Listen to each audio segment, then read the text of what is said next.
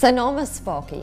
Hy het nie veel gawes gehad nie. Akademie was hy ondergemiddeld en Latyns, algebra, fisika en Engels op skool gedryf.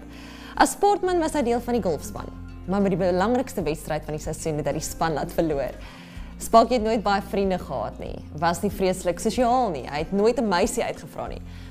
Daar was wel een spesifieke ding waarmee hy briljant was. Dit was skets. Hy was trots op sy sketse, alhoewel niemand anders waarde in dit gesien het nie. Sy skets is nooit gekies vir die skooljaarboek nie en het geen skoolkunskompetisies gewen nie. Tog het Spakie se droom om 'n kunstenaar te word nooit verdof nie. Hy het na skool 'n reuse stap in geloof geneem. Sy kunswerk vir Walt Disney Studios gestuur, maar weer is hy afgekeur en weggewys. Dit was daardie insident wat Spakie oortuig het om sy lewensverhaal in strokiesprente te verhaal. Die gewildheid van die strokiesprente is uiteindelik in talle boeke en TV-programme en produkte en selfs in 'n film verwerk. Spakie oftewel Charles Schulz, die skepper van die Peanut strokiesverhaal, word tot vandag toe nog gesien as een van die bekendste strokiesprent kunstenaars ooit, omdat hy nooit ophou glo het in homself en sy eie talent nie.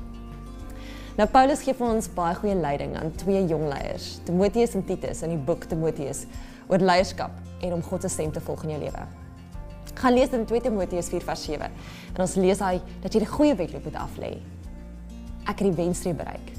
Ek het die geloofigheid end uit volgehou.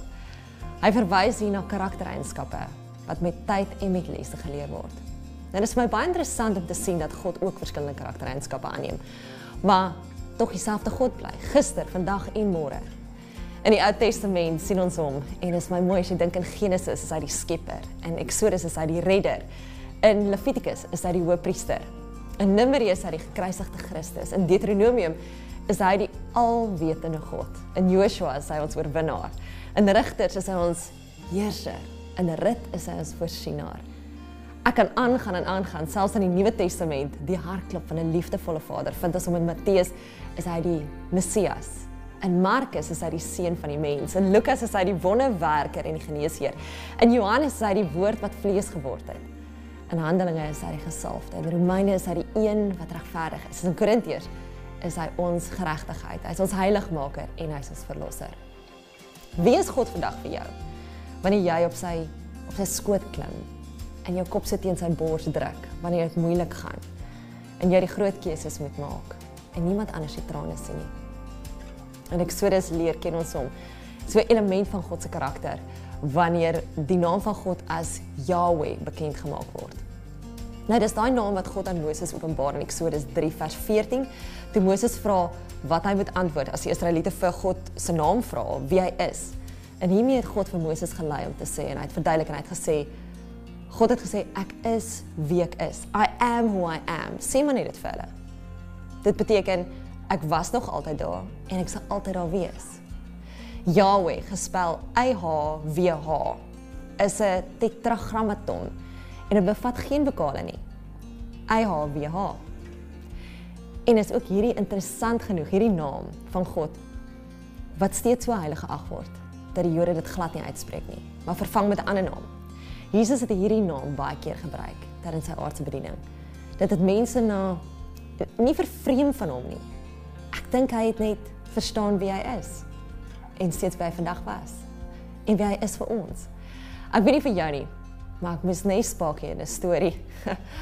Al verlede 'n maandeliks of miskien afhangend van my omstandighede weekliks en daagliks 'n moeilike vraag vir myself beantwoord het. Wie is ek werklik?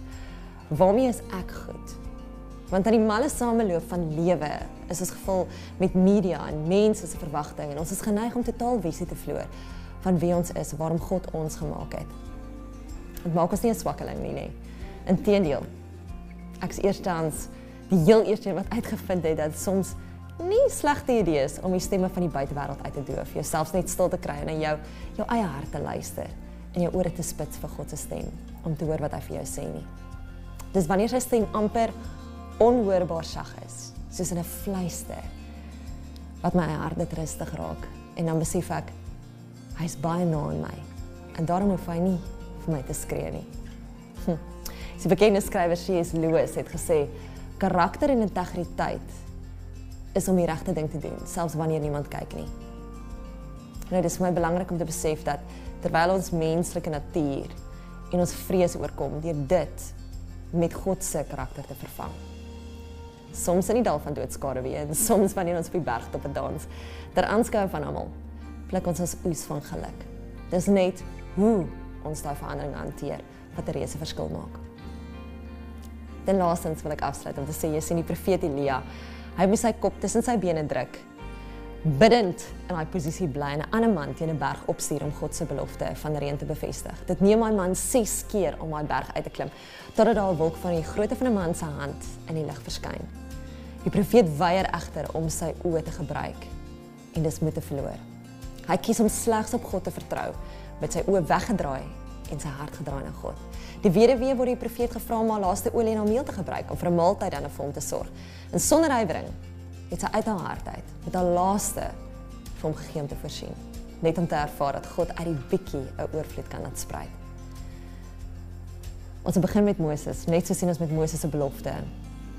God gebruik Moses ten spyte van sy spraaktekortkominge en die enigste ding in sy hart is staf om 'n volk uit te lei en 'n magtige wonderwerk te doen. Elke keer met iets waarop hy kan vertrou, sy staf. En dan later sien ons egter dat Moses gevra word om iets buite in sy gemaksone te gebruik, sy stem, sy tekortkominge om God se te vertroue te bring en met met 'n rots te praat sodat water kan uitvloei vir sy volk om te drink. En dis hier waar Moses uit sy eie wil reageer. En die rots slaan met die staf en as gevolg van hierdie aksie kan Moses nooit die beloofde land bereik nie. Wie is God vir jou? Wie is jy in hom? Wat moet ek en jy neerlê? Watter stemme moet ons stil maak?